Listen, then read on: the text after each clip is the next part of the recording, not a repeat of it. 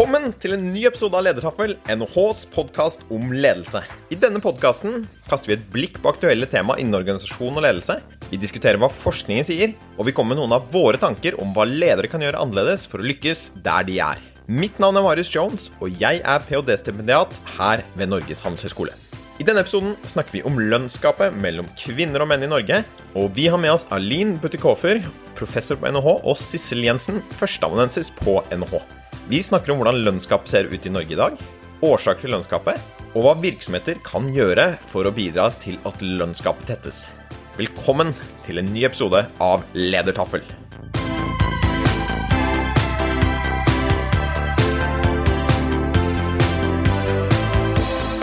Vi eh, snakker om lønnsgapet mellom kvinner og menn i Norge, og med meg i studio så har jeg Alin Butikofer, professor på NHH, og Sissel Jensen, førsteamanuensis på NHH. Så velkommen til dere to. Takk. Tusen takk. Og så har jeg selvfølgelig med meg Therese Sverdrup, prorektor på NHH og fast podkastmakker, så velkommen til deg også, Therese. Tusen takk. Vi eh, skal da altså snakke om lønnsgapet, og vi skal diskutere hvorfor det er slik at kvinner og menn tjener ulikt hvorfor dette er problematisk, og også hva vi kan gjøre med det. Og dere Sissel og Alin, dere har bl.a. forsket på lønnsforskjeller mellom kvinner og menn i Norge, om effekter av kvotering, og hvordan det å få barn påvirker lønnsforskjeller i Norge. Før vi går inn og snakker litt om årsakene til lønnsgapet, så tenker jeg at vi bør bare beskrive hvordan det ser ut. Så hvordan er det lønnsgapet mellom menn og kvinner i Norge ser ut i 2020? Altså, vi har sett at lønnsforskjellene mellom kvinner og menn har blitt vesentlig lavere fra 1980-tallet og utover i tid. Og mye av dette har selvfølgelig å gjøre med at kvinner har tatt høyere utdanning, at de i økende grad velger å jobbe heltid fremfor deltid, og også at de går raskere tilbake til jobb etter at de har fått barn. Så mye skyldes på en måte utdanningspolitikk og reformer i arbeidslivet som har gjort det mer kvinnevennlig eh, over tid. Forskjellene i humankapital mellom menn og kvinner har blitt mindre over tid. Mm.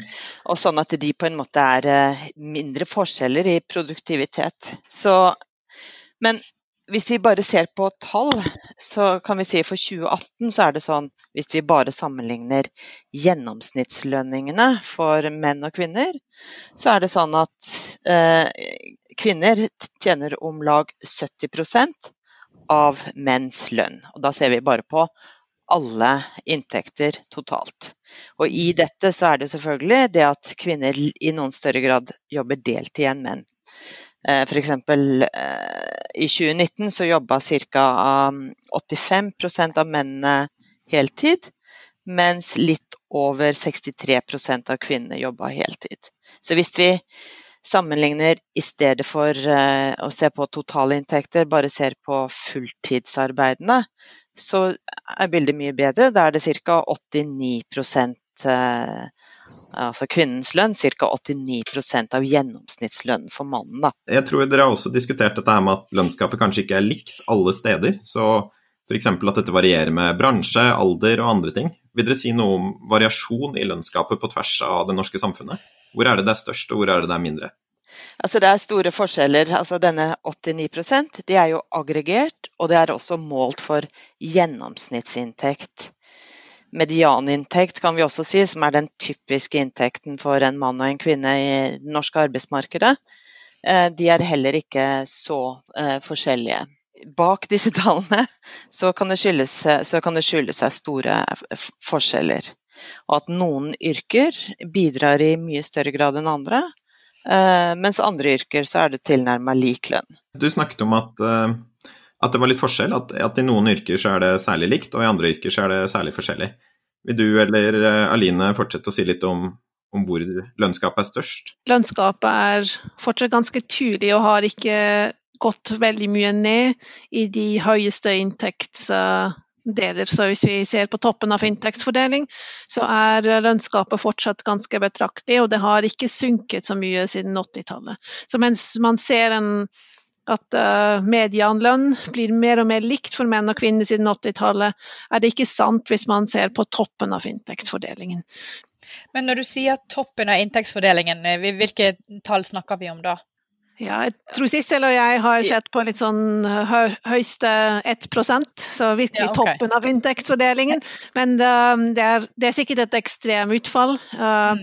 Men også hvis man går litt lenger ned, men tenker på ja, folk som er i lederstillinger. Um, kanskje ikke nødvendigvis toppledere, men de som har litt sånn ledertypestillinger. Der er fortsatt lønnsforskjellene ganske store, og de har ikke, de har ikke minsket i samme grad som de har på mediene. Så hvis vi f.eks. ser på disse 90 %-persentilene eller 95 persentilen, eller den aller høyeste persentilene, så har det ligget ganske flatt faktisk i de siste omtrent 30 årene, minst. Mens på medianlønn så har, det, har vi sett en drastisk økning de siste 30 årene. Men vi ser også at det er forskjell på hvilken bakgrunn, profesjon du har, og hvilke yrker du har. Så f.eks. så ser vi at det er mindre forskjeller i topplønner for ingeniører enn det er i topplønningene mellom menn og kvinner blant økonomer f.eks. Så hvis vi ser litt på yrker, så ser vi jo litt av hva denne disse um, mangel da, på konvergens i toppen kan skyldes. Uh, da kan vi se på noen yrker, f.eks. på toppleder innenfor offentlig administrasjon. Der er det både lite spredning i lønn, og det er liten forskjell på menn og kvinners lønn. Mm. Så 98% lønn på den, for topplønnene er ikke så veldig mye høyere enn medianlønnene. I, og dette gjelder også f.eks. farmasøyter og leger. Der er det litt større forskjell i topplønner og medianlønn, men mindre forskjell mellom menn og kvinner. Men ser vi derimot på, på bransjer som f.eks. Eh, finansbransjen og blant administrerende direktørene, så ser vi at det er veldig store forskjeller mellom medianlønn og topplønn. Så det er mange som er ledere i norske selskaper, men de er ikke ledere i selskaper som er alle sammen, som er spesielt lønnsomme og betaler veldig høye lønninger. Så der ser vi både at det er stor spredning, men vi ser også at topplønningene for menn er vesentlig mye høyere enn topplønningene for kvinner. Så finansbransjen og ledere skiller seg spesielt ut som på en måte bidragsytere i denne, disse tallene. Da. Og en annen ting som også da kommer inn, er da i hvilken grad vi ser kvinner i disse yrkene. Blant eh, farmasøyter og, eh, og leger også, så ser vi um, mange flere kvinner. F.eks. er det så at over 70% av farmasøytene er kvinner. Og kvinneandelen blant tannleger f.eks. er også nærmere 70 mm. Mens blant i finansbransjen så er den på 24% Så det er færre altså Selv om kvinner i finansbransjen også tjener mye, så er det ikke så mange av de. Her tenker jeg vi, vi kommer litt inn på det som, som, vi skal snakke litt om, og det er jo det her med å forklare lønnsgapet. Altså Vi ser det er et lønnsgap mellom kvinner og menn i Norge. Og så er vi da ganske nysgjerrige på hva er årsaken til det. Og En mulig forklaring på dette kan jo være at det er diskriminering fra arbeidsgivere. Som betyr at menn favoriseres da når det skal ansettes og promoteres. Og at da kanskje særlig i høye lederposisjoner da, så er det en tendens til at menn velges foran kvinner da, fordi de er menn. Så en mulig forklaring der. Og så er det andre som har foreslått at årsaken til lønnsgapet er ulike preferanser. Så det er jo kanskje en, en annen type argumentasjon, hvor vi sier at kvinner generelt sett, eller på snittet, ønsker å bruke mer av tiden sin på andre steder enn arbeidsplassen. og Derfor, de mer, derfor velger de å jobbe mer deltid. Eller at de velger andre yrker, og da kanskje typisk mer omsorgsyrker, eller å jobbe i offentlig sektor, der hvor lønnen sånn i snitt er lavere. Ehm, hva vet vi om måte, årsaken til lønnsgapet her, og går det an å si noe ut fra de tallene vi har, om, om, dette her er snakk om diskriminering, eller om det er forskjell på preferanse, eller om det er andre grunner som kan måte forklare dette? her? Hva jeg kan sikkert si er at det er en blanding av mange forskjellige årsaker. At du har vært inne i mange av de. Så det, det viktigste er å si at ikke alt av, vi, som vi ser av lønnsgapet, er bare diskriminering. Det er ikke sånn det er. Så hvis vi ser på den mediane um, lønnsgapet, så det er ikke bare diskriminering. Det kan komme inn, men uh, det er mange andre årsaker også. Så det, uh, en av de viktigste er at uh, menn og kvinner velger forskjellig hvis det kommer til yrkesvalg. Eh, og vi kan kanskje si at det er urettferdig at yrker med mange kvinner eh, har lavere lønn enn de med mange menn. Og det er også historisk, historisk sånn at relative lønnsnivå, så hvor godt um, noen tjener i lønnsfordelingen, den har gått ned i en del yrker når de gikk fra mannsdominerte yrker til å være kvinnedominerte yrker. Så det kan f.eks. være læreryrket, som har vært mye høyere i lønnsfordelingen tidligere når det var mest menn inn, og i dag er det mest kvinner eh, og mye lavere i lønnsfordeling. Jeg har ikke beskrevet en kausal sammenheng her, det er bare at, eh, at disse to ting går sammen. Um, og det kan også hende at det er noe som skjer for farmasøyter eller dyreleger, tannleger, at når de blir kvinnedominert over tid, at de kan uh, potensielt bli litt sånn lavere lønn. Så det kan være urettferdig, men liksom segregering innenfor arbeidsmarked, innenfor studievalg, er sikkert en ting som bidrar til lønnsgapet. Hvis vi tenker oss ledere, så er også segregering en del av det. Fordi kvinner blir ofte leder i andre typer bedrifter, så Sissel har vært innom det. Er ofte ledere i mindre store bedrifter, de kanskje blir leder innenfor HR i stedet for uh, finans.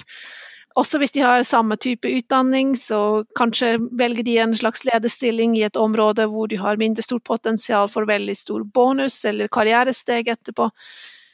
En annen ting um, Sissel og jeg har forsket mye om, er uh, hva skjer når uh, kvinner og menn får barn. Vi ser egentlig at når folk er ferdig med universitetsutdanning, at førstelønn er rimelig likt, men det skjer noen ting relativt uh, kort etter. Det har forskjellige årsaker, men en av de er også at kvinner begge to får barn, men at kvinner tar litt større støyt av lønnsstøyt, i hvert fall det.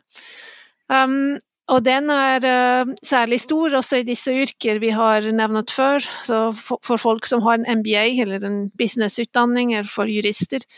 Uh, men mindre stor for uh, leger, mindre stor for ingeniører, folk som er inne i ja, tekniske typer jobber, science-type jobber. Altså realfag, teknologi, ingeniører. Claudia Goldin, som er en av de fremmeste innenfor feltet, har teori at det skyldes at noen yrker har mer lineær lønnsmodell enn andre. Så det betyr at du får på en måte like mye lønn for hver time du jobber. Altså hvis du jobber som lege i sykehus eller i din legepraksis, så du får på en måte en timeslønn som er omtrent likt for hver pasient for hver time du jobber. Mens hvis du er konsulent i McKinsey eller en annen type konsulentselskap, så er det ofte disse tider om kvelden eller om helgen eller veldig lange arbeidsdager som gir ekstra payoff. Så i hvert fall ikke lineær uh, lønnsmodell, mm. så du får mye mer ut for at du kan jobbe til klokken 11 eller at du kan jobbe til klokken 3 om natten. Um, og det er noen ting som um, er en hindring for kvinner som uh, må forholde seg til åpningstider av barnehager eller SFO og sånn. Lønnsgapet mellom menn og kvinner åpner seg veldig sterkt når første barn kommer inn i bildet. Og at det er ekstra stor for de som har ja, en MBA eller juristutdanning versus de som har en ingeniør- eller medisinutdanning. Responsen man har hatt på, i Norge har vært mye offentlig politikk, altså utdanningspolitikk, familiepolitikk, barnehageutbygging, svangerskapspermisjoner, regulert arbeidstid osv. Eh, at de har vært våre viktige instrumenter i å skape likestilling, et mer likestilt arbeidsmarked. Mm. Mens denne forskningen til Claudia Golden viser eh, at det kanskje er på tide å se på bedriftene, hva de gjør mm. som kan eh, støtte eller hemme eh, utvikling av en bedre kjønnsbalanse, sånn som dette Aline snakker om. Hvis du er jurist og, eh, og du har to inntekter og, og, du får barn, så skal du velge hvem skal gå ned til en normal, kanskje ikke mindre normal, altså gå ned fra 60-70 arbeids, Eh, timersuke til 40, eh, så er det sånn at hvis du jobber som konsulent og, og får da et lønnstap som ikke bare er, på en måte er eh, proporsjonal med de antall timene du går ned, men du straffes i tillegg fordi at du ikke jobber de spesielle, de ekstra 30 timene. Da er det mer lønnsomt å gå over til en annen, en annen bedrift, en annen sekt, eller ja, en annen bedrift f.eks., mm. litt annet yrke, hvor du ikke straffes. Du får en litt lavere gjennomsnittslønn, men for, de, for en 40-timers uke så har du en grei lønn. Eh, men for det Claudia Goldin også gjør, er at hun, hun klassifiserer på en måte da yrker i forhold til om de er fleksible eller ikke fleksible. Um, og så finner hun da empirisk at det er mye større lønnsgap i de yrkene som, har, som er mindre fleksible. Og bare for å se i forhold til norske tall, noe som er interessant, det er at de tallene eh, og de yrkene som eh, hun rapporterer, altså de lønnsgapene hun rapporterer i ulike yrker, er så å si akkurat de samme som lønnsgapene vi ser, og de samme yrkene i Norge. F.eks. at eh, så viser de at lønnsgapet for farmasøyter falt over tid, samtidig som farma, farmasøytyrket gikk fra å være lite fleksibelt til å bli veldig fleksibelt. Så mm. falt lønnsgapet fra ca. 65% til ca. 92% og det er akkurat det samme som har skjedd i Norge. Og Det syns vi er veldig interessant, fordi at det er jo nettopp våre lyttere er jo mange som sitter som eh, bedriftsleder eller jobber i finansbransjen, jobber i konsulenthus osv. Så, videre. så da er det jo, dere har jo nå en veldig god tilhengerskare og tilhørerskare som kan ta imot noen tips og råd. Så hva, hva tenker dere er viktig når dere sier at her må bedrifter gjøre noe? Et eksempel kan være at det f.eks. er flere studier som viser kvinner i større grad enn menn påtar seg oppgaver som ikke nødvendigvis er spesielt karrierefremmende. De kan påta seg disse oppgavene frivillig, eller fordi at de har en leder som ber de om å gjøre en eller annen oppgave. De er nødvendige oppgaver, det må gjøres innenfor for bedriften, men det teller ikke spesielt i forhold til eh, et prestasjon, prestasjonsmål eller en karrieremessig forfremmelse. F.eks. om du skal organisere en, eh, et julebord, eller steppe inn for en kollega som er syk, eller oppdatere selskapet sin powerpoint, eller oversette en powerpoint. Ja, noen må gjøre det, men det er ikke spesielt eh, smart nødvendigvis. Så hos, hos, oss i akademiet så er det f.eks.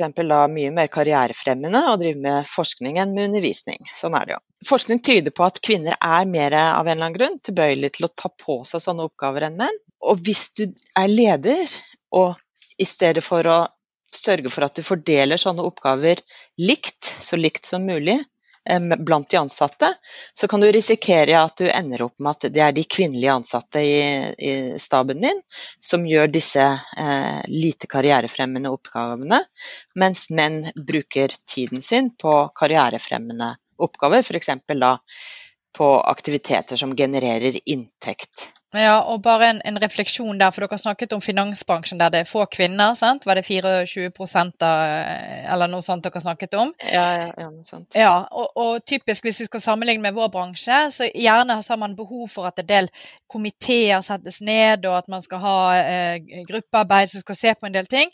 Og så er man opptatt av at her må vi ha noen kvinner inn, for vi skal være flinke i klassen på å ha likestilling på arbeidsplassen. Og da blir man typisk da som kvinne valgt til altfor mange sånne typer komiteer komitéarbeid og eh, gruppearbeid som igjen da kanskje ikke er karrierefremmende. Og det, man tror man har vært flink altså ved å tenke likestilling, men så blir det faktisk motsatt. Er det noe dere også ser ute?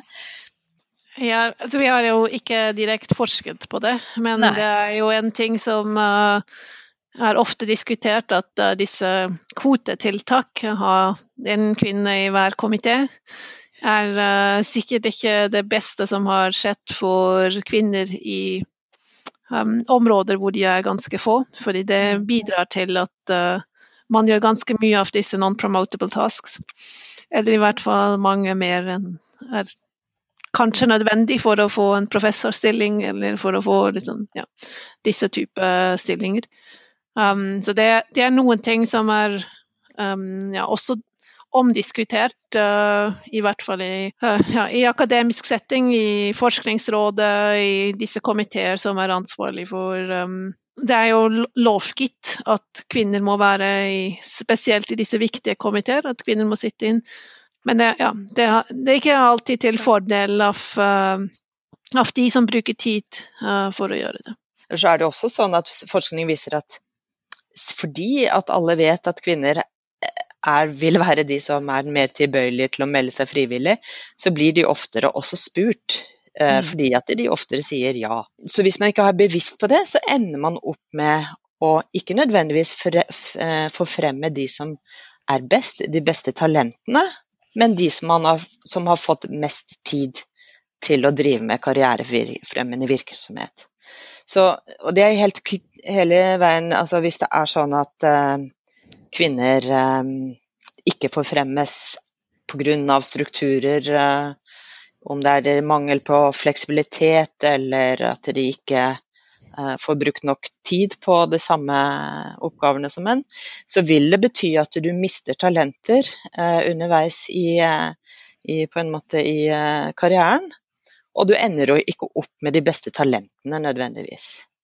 Vi snakket litt om dette med at lønnsgapet oppstår når man begynner å få familie, og at da den byrden som er på hjemmebane fordeles ulikt, at kvinner gjør mer og menn gjør litt mindre der vi snakket om at bedriftene må være på en måte flinkere til å legge til rette for at, eh, at, kvinner skal kunne ta en aktiv del i arbeidslivet også etter dette her også. Men er det også noe i den forhandlingen på hjemmebane som er nøkkelen her? For Man kan jo se for seg hvis man kom til et sted der hvor og, eh, kvinner og menn tok like mye ansvar på hjemmebane, og var villig til å da legge inn like mye ansvar på, eller tid på jobb også, så kunne det også være en måte å adressere det her lønnskapet. Og da lurer jeg litt på, hva, er det som skjer da på en måte når den forhandlingen på hjemmebane foregår, da, om hvem som skal ta mest ansvar? Er det noen som ønsker å være mer hjemme med barn, eller er det sånn at mer at mannen sier at nå skal jeg jobbe, så nå får du være hjemme her? Vet vi noe om det? Ja, vi vet ganske lite om det. En viktig ting med når barn kommer inn i bildet, er jo spesielt hvis vi ser på kvinner som har høy utdanning, så kvinner med mastergrad, eh, de stort sett bestemmer når de vil få barn. Mm. Eller familien bestemmer når de vil få barn. Um, så tidspunkt kan bli valgt til å passe inn i karriereplanene til en av de eller begge de. Og det kan også være en grunn hvorfor vi ser en større lønnskap uh, skje etterpå.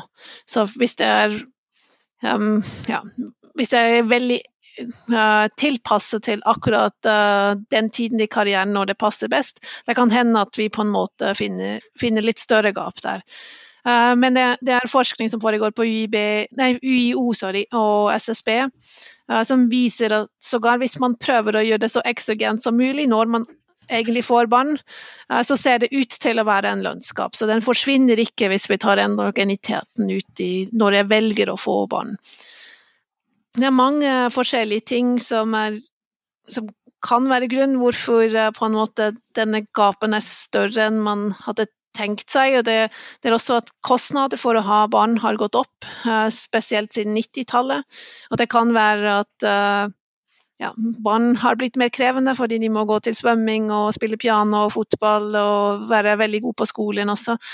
Pendling egentlig økt, så tiden vi uh, pendler, eller pendeldistanse, har blitt større.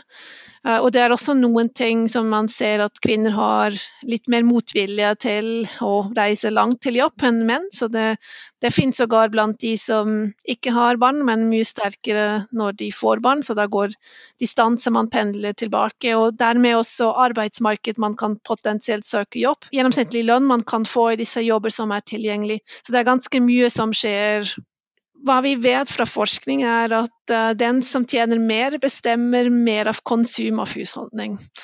Eller konsumbandel som uh, husholdning konsumerer, er nærmere utility maximizing, så det maksimerende konsumbandel av den som tjener mer. Og, og, det har blitt visst at hvis uh, på en måte lønnsgapet i husholdning åpner seg, så skifter konsum av en husholdning til den som tjener mm. mer. Mm. Uh, men det er bare konsum, så det er det økonomer kan gå inn og måle. Men eh, det er fortsatt usikkert at den som tjener mindre eller har, ja, tar støyten, er mer med barn, føler seg som taper i den household bargaining-saken. Så det er forhandling i hushold. Eh, ikke sikkert at eh, den som må gå og jobbe mer, er den som føler seg som vinner i, i denne saken. Jeg tenker Vi kan snakke litt om det nå, om hvorfor dette lønnsgapet er problematisk. Og det toucher du jo på der, Elin. Det der med at den som tjener mest, bestemmer ofte mest hvordan vi skal bruke pengene våre som husholdning også. Så Hvis vi ser at lønnsgapet vokser i en husholdning, og at mannen etter hvert begynner å tjene mer, så er det den som på en måte mer blir sjefen om hvordan vi bruker pengene våre. Eh, og det kan jo være én grunn til at det er problematisk. Og så er det jo også noe du sier her om at det vi egentlig bryr oss om som økonomer og andre, er jo ikke hvem som bestemmer over konsum, men velferd, ikke sant? og at det med å ha mer tid hjemme også kan ses på som en sånn velferdsøkning også. Så det er som du sier da, ikke helt åpenbart hvem som egentlig er tjent med at én jobber mindre og én jobber mer. Dette her med å spørre hvorfor er lønnsgapet problematisk, kan høres ut som et litt sånn unødvendig spørsmål å stille, egentlig. Eh, men jeg tenker grunnen til at vi stiller det, er egentlig todelt.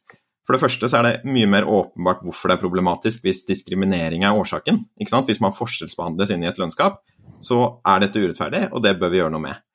Eh, men jeg tenker at selv om det ikke er diskriminering som er årsaken, så kan vi tenke at dette er problematisk. Og da er det jo litt sånn spennende å spørre seg på hvilke måter er det det. Så hva tenker dere, Sisla Linn, når vi sier, eh, stiller det spørsmålet? Hva er det som gjør et lønnsgap eh, problematisk eller uønsket? Hvorfor bør vi gjøre noe med dette her? Så den som Sissel nevnet før, så at vi taper talent. Mm. Uh, hvis vi ikke betaler de godt nok eller gir de karrieremuligheter, det er et stort problem, og det kan vi si mellom menn og kvinner, men det kan vi også f.eks. si mellom barn som kommer fra litt uh, lavere sosioøkonomiske um, familier, altså lavere økonomisk bakgrunn. Hvis de får mindre sjanse å bevise seg, da på en måte taper vi ut med talent i samfunnet. Så det, det er sikkert en av problemene hvis man ikke gir menn og kvinner samme sjanse å bevise seg.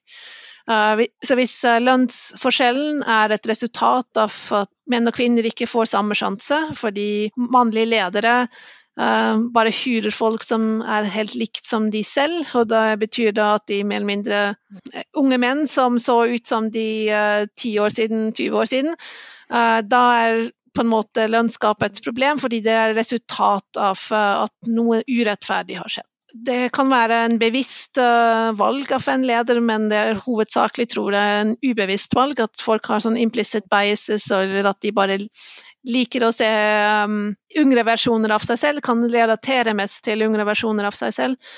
Det kan være noe som ja, Hvordan lønnsgapet er bare et resultat, og derfor et problem.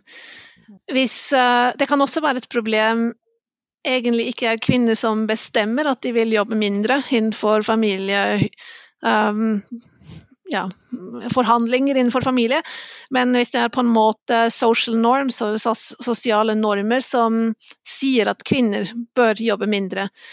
Um. En ting som er interessant, det vet vi ikke for um, Norge eller Norden enda, men for USA ser man at kvinners holdning om hvor mye tid som skal brukes innenfor husholdning og sånn, sånn type ting, endrer seg når de får barn. Så de tror at eh, kvinner skal gå og jobbe og ikke bruke tid for barn så mye, eller at, eh, for, um, at husarbeid skal fordeles likt før de får barn, men når de har fått barn, så tenker de plutselig annerledes. Det kan hende at eh, barn og hormoner og alt endrer ting veldig, men det kan også hende at man kommer i kontakt med kanskje mer konservativt vertssystem, eller at uh, sosiale normer plutselig sier at man må være god mamma og være hjemme og ja, mm. kjøre til fotball og til piano og sånn. Så det er alle disse forskjellige typer ting. En ting som uh, um, Bill nevnte også i USA, er at uh, en stor kostnad for å få barn er at man ammer. Mm. Uh, så det er noen teorier som sier at uh, akkurat det, at det har blitt mer amming i 90-tallet, er også en veldig stor kostnad uh, av å bli mor, og ja, kanskje ikke kunne jobbe så mye første året av, bar av barnas liv. og sånn. Så det, det, er ganske mye årsaker som kan være der. og Hvis vi på en måte endrer sosiale normer, at kvinner skal amme, og det er noe som eh, WHO virkelig pusher, om uh, norsk, ja, norsk, helsevesen pusher. Jeg skal ikke si ting mot det, men uh, det er også en sterk norm som på en måte sier at mamma må være sammen med barn, og det kan ha et kostnad etterpå. Hvis det er sånn at det er veldig viktig at en ansatt jobber lange dager, spesielle timer, er tilgjengelig fredag kveld for en eller annen fusjonsforhandling eller hva det måtte være, så vil det være sånn at eh, hvis det er veldig viktig på en måte for bedriften, så betyr det at det koster noe for bedriften hvis de ansatte sier at nei, nå må jeg gå hjem. Derfor er mm. bedriften villig til å betale en veldig stor eh, lønnsøkning, si, økning i lønn for at de skal gi, gi gi avkall på, disse, på denne fleksibiliteten. Men så mener kanskje mange at det er jo ikke gitt at arbeidet må organiseres på en sånn måte at det blir så lite fleksibelt. og at du derfor må betale veldig høye lønninger til noen få eh, nøkkelpersoner. Det går muligens an å organisere jobbene på en annen måte, som gjør at de ansatte jobber mer i team, er mer substitutter for hverandre, sånn som f.eks. farmasøyter i større grad er. Ja, det med farmasøyter er jo overgangen fra at farmasøyter eier farmasiet og er på en måte der fra klokken syv til klokken åtte om kvelden, og også på lørdager. Men mm. med overgang til at uh, det er store bedrifter som eier disse farmasier, og de har på en måte regulert arbeidstid. Og jeg kan erstatte den neste som kommer inn, og den kan bli erstattet igjen. Så det, det er der hvor uh, den lønnssystemet blir mer lineært. Og det er også mm. sånn uh, leger i sykehus jobber, så de kan ikke være der permanent, så de må skrive journaler. Uh, jeg tror ikke de er så veldig begeistret av å skrive journal og sånn, men det er akkurat det de må gjøre for at en annen kan ta over. Og det er sikkert også noen, noen muligheter som juristfirmaer, advokatfirmaer hadde hatt Eh, at man gjør jobben sin, men også må skrive en journal hvor uh, pasient slash case er, og så kan den tas over av neste som kommer inn og tar neste skift. Um, en, en, annen ting som vi har ikke vært inne på, er at ganske mange økonomiske strukturer er en slags konkurranse. Mm. Uh, og kvinner um, har en lavere sannsynlighet å ville konkurrere Sågar hvis de kan vinne. Så, så hvis, sågar hvis de har en veldig stor sjanse at de skal vinne, liker de ikke å konkurrere i like grad som menn. Um, og hvis du tenker på konsulentfirmaer konsulentfirma f.eks., men også akademiet, så er det ofte sånn at man konkurrerer for å bli partner, eller for å bli forsker i uh, permanent stilling, i fast stilling. Um, så det, det er noe man kunne også tenke seg eh, som sjef. Litt sånn hvordan kan jeg på en måte um, lage struktur for at mine ansatte ikke tror at de konkurrerer mot hverandre, men sammen. Så litt sånn uh, Jeg tror nå våre tenure track-stillinger som vi har i akademiet nå, nå um, de, de, er litt mer der hvor jeg konkurrerer mot meg. Så jeg får en sånn stilling, så har jeg seks år på meg for å oppnå en viss liste av ting. Og hvis jeg klarer det, så får jeg permanent stilling, og jeg konkurrerer ikke mot andre. Så det er litt sånn, Klarer jeg å hoppe over to meter, klarer jeg å løpe stoltsen opp under tolv minutter, klarer jeg det, ja, da er det inn. Uh, mens uh, i det gamle systemet var det litt sånn ja, hver fire år konkurrerer jeg, tre år konkurrerer jeg igjen om en ny type stilling.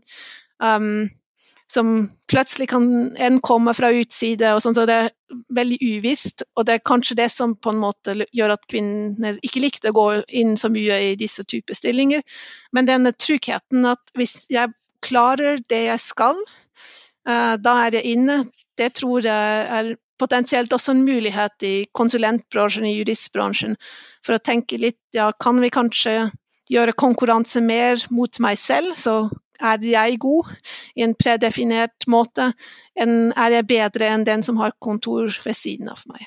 Jeg syns dere har vært inne på veldig mange spennende ting. Dere snakker om hjemmet, vi snakker om uh, disse meritterende oppgavene osv. Nå står vi midt i en veldig spennende situasjon med pandemi. Og jeg vet at dere ikke har forsket på det, selvfølgelig, men det er jo litt uh, interessant å spekulere litt i vil pandemien nå gjøre noe med dette lønnsgapet fremover. Det har vært en del innlegg, ser jeg. Blant annet har Deloitte vært ute og snakket om at de har gjort noen undersøkelser og sier det at 70% av kvinnene i vår studie, sier de, sier at hjemmekontoret har forårsaket at de får mindre da, karrierefremmende oppgaver. Nettopp som hensikt, eller eh, på bakgrunn av at de er på hjemmekontor. Så hva kan vi spå litt sånn fremover, eller spekulere litt basert på det vi vet nå, om hva ledere bør tenke på fremover? Om det. det er ikke så lett spørsmål, eh, men jeg tror vi må skille to perioder. Periode hvor vi var hjemme sammen med barn, og periode etterpå.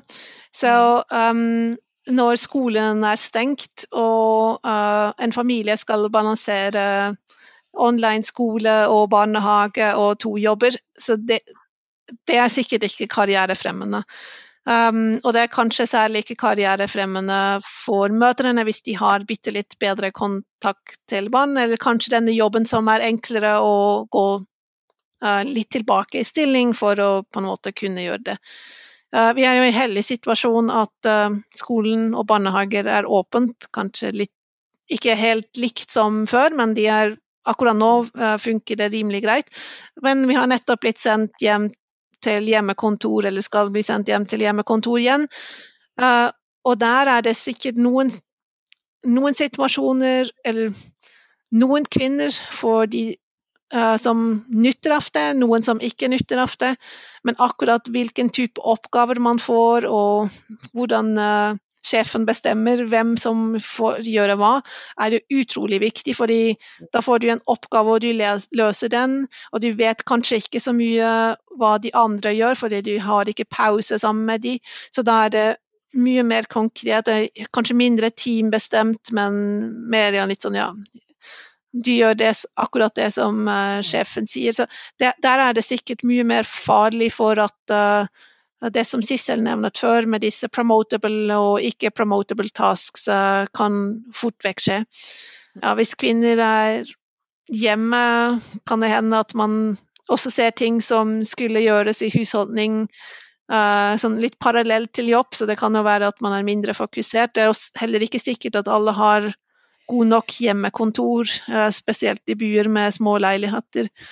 Um, ja, så det er, alle, det er ganske mange utfordringer. Hva vi også ser med covid, er jo at uh, ganske mange kvinner har faktisk en samfunnsviktig jobb. Så, en, så noen av disse, så, og der tror jeg kan uh, spennende ting skje hvis, uh, hvis, man ser på husholdninger hvor kvinner hadde en jobb som var såpass viktig for samfunnet at de måtte gå på jobb, mens mannen måtte bli hjemme med barn. Så det, der kan det jo kanskje skje noen ting på lang sikt over hvordan husholdningen fordeler oppgaver. Så. Jeg syns dere har kommet med ganske gode eh, forklaringer underveis sant, med det med ikke-promoterende oppgaver, promoterende oppgaver. Så det er mange ting å ta med seg her fra, fra, det dere har snakket om når man skal rigge seg for et godt arbeidsliv, om det er under pandemien eller etter pandemien. Fordi at vi er jo enige om at vi, vi tenker jo at dette lønnsgapet er litt problematisk, da. Sant? Selv om det kan være variasjoner, selvfølgelig. Eh, og det er jo, tenker jeg, veldig viktig å ta med seg for de som eh, lytter hos oss. Så hva tenker dere sånn avslutningsvis vi eh, disse lederne som sitter og hører på, eh, kan ta med seg, og som eh, kan settes i verk av tiltak eh, fremover. de skal ha ledermøte og gjøre noe. Jeg tror det med å tenke litt på uh, seg, reflektere litt på seg selv, så gir jeg virkelig oppgavene likt til folk. Mm. Så er jeg den som gir alltid uh, julebord til en kvinne og litt sånn den viktigste oppgaven jeg har til en mann, eller gjør jeg det litt, litt blandet? Så at man på en måte ser på seg selv og tenker litt hvordan gjør jeg det, og kanskje endre litt. Mm. Um, at man på en måte tilrettelegger at ikke alt er bare en konkurranse. Så at man uh, ikke misser noen flinke kvinner der fordi de uh, ikke vil ta på seg og konkurrere så mye som menn potensielt vil.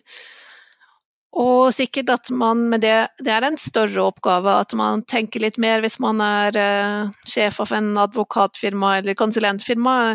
Sånn, hvordan kan jeg um, beholde disse veldig flinke kvinner som blir mødrene.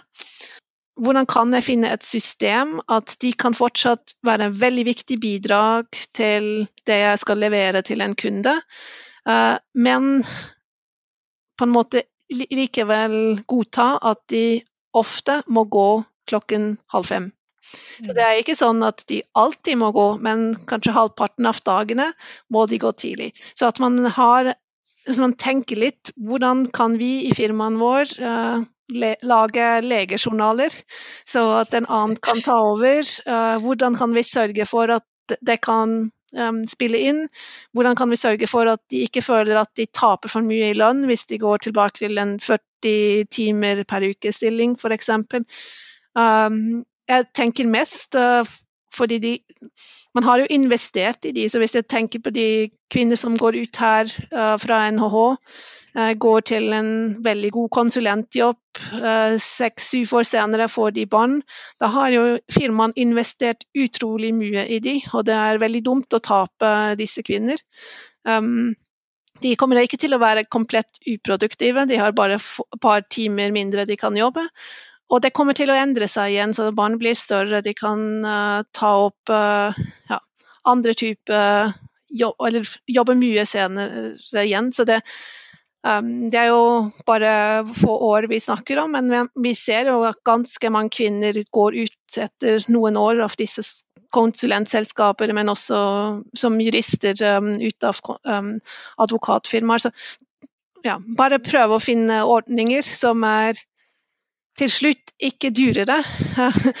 så ja, hvis, man hvis, man tenker på hele pakken, så humankapitalinvestisjon man har gjort, uh, pluss at um, ja, at uh, man kan få ganske mye ut av en motivert uh, person. Jeg var litt sånn, en litt annen, et annet pålegg som, som har kommet fra 2020, er å redegjøre for at alle bedrifter over en viss størrelse og offentlige bedrifter, offentlige bedrifter skal redegjøre for likestillingstilstanden i sin virksomhet. Eh, det er de pålagt for eh, å gjøre fra 2020. Det omfatter bl.a.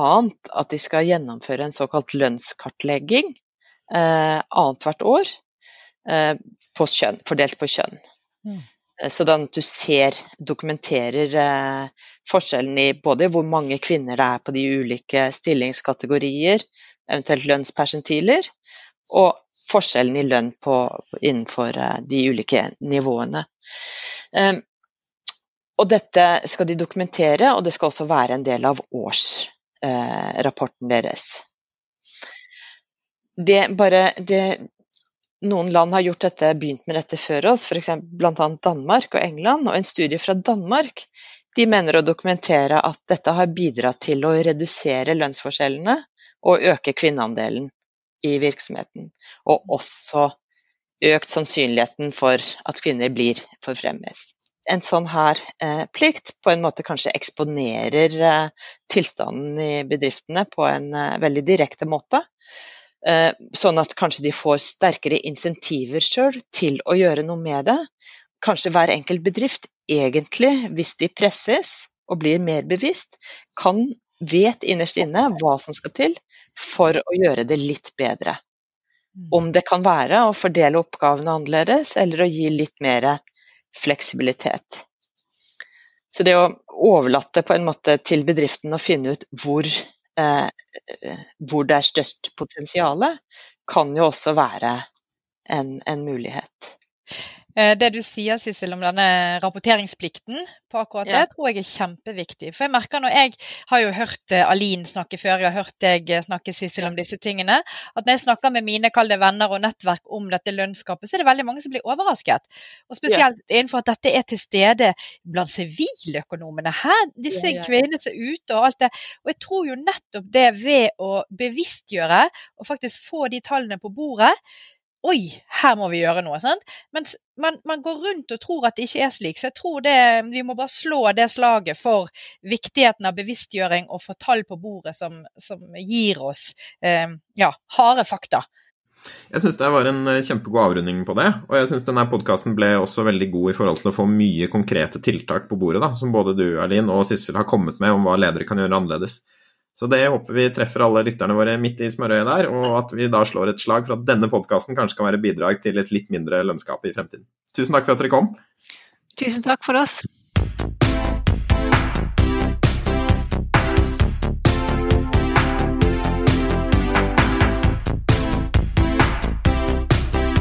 Du har nå hørt en ny episode av Ledertaffel, NHHs podkast om ledelse. I studio i dag var jeg, Marius Jones, sammen med Therese Sveidrup, Alin Butikofer og Sissel Jensen. Om du vil vite mer om hva vi holder på med på Norges handelshøyskole, så finner du oss på nhh.no og ved å søke på NHH på Facebook. Vi høres!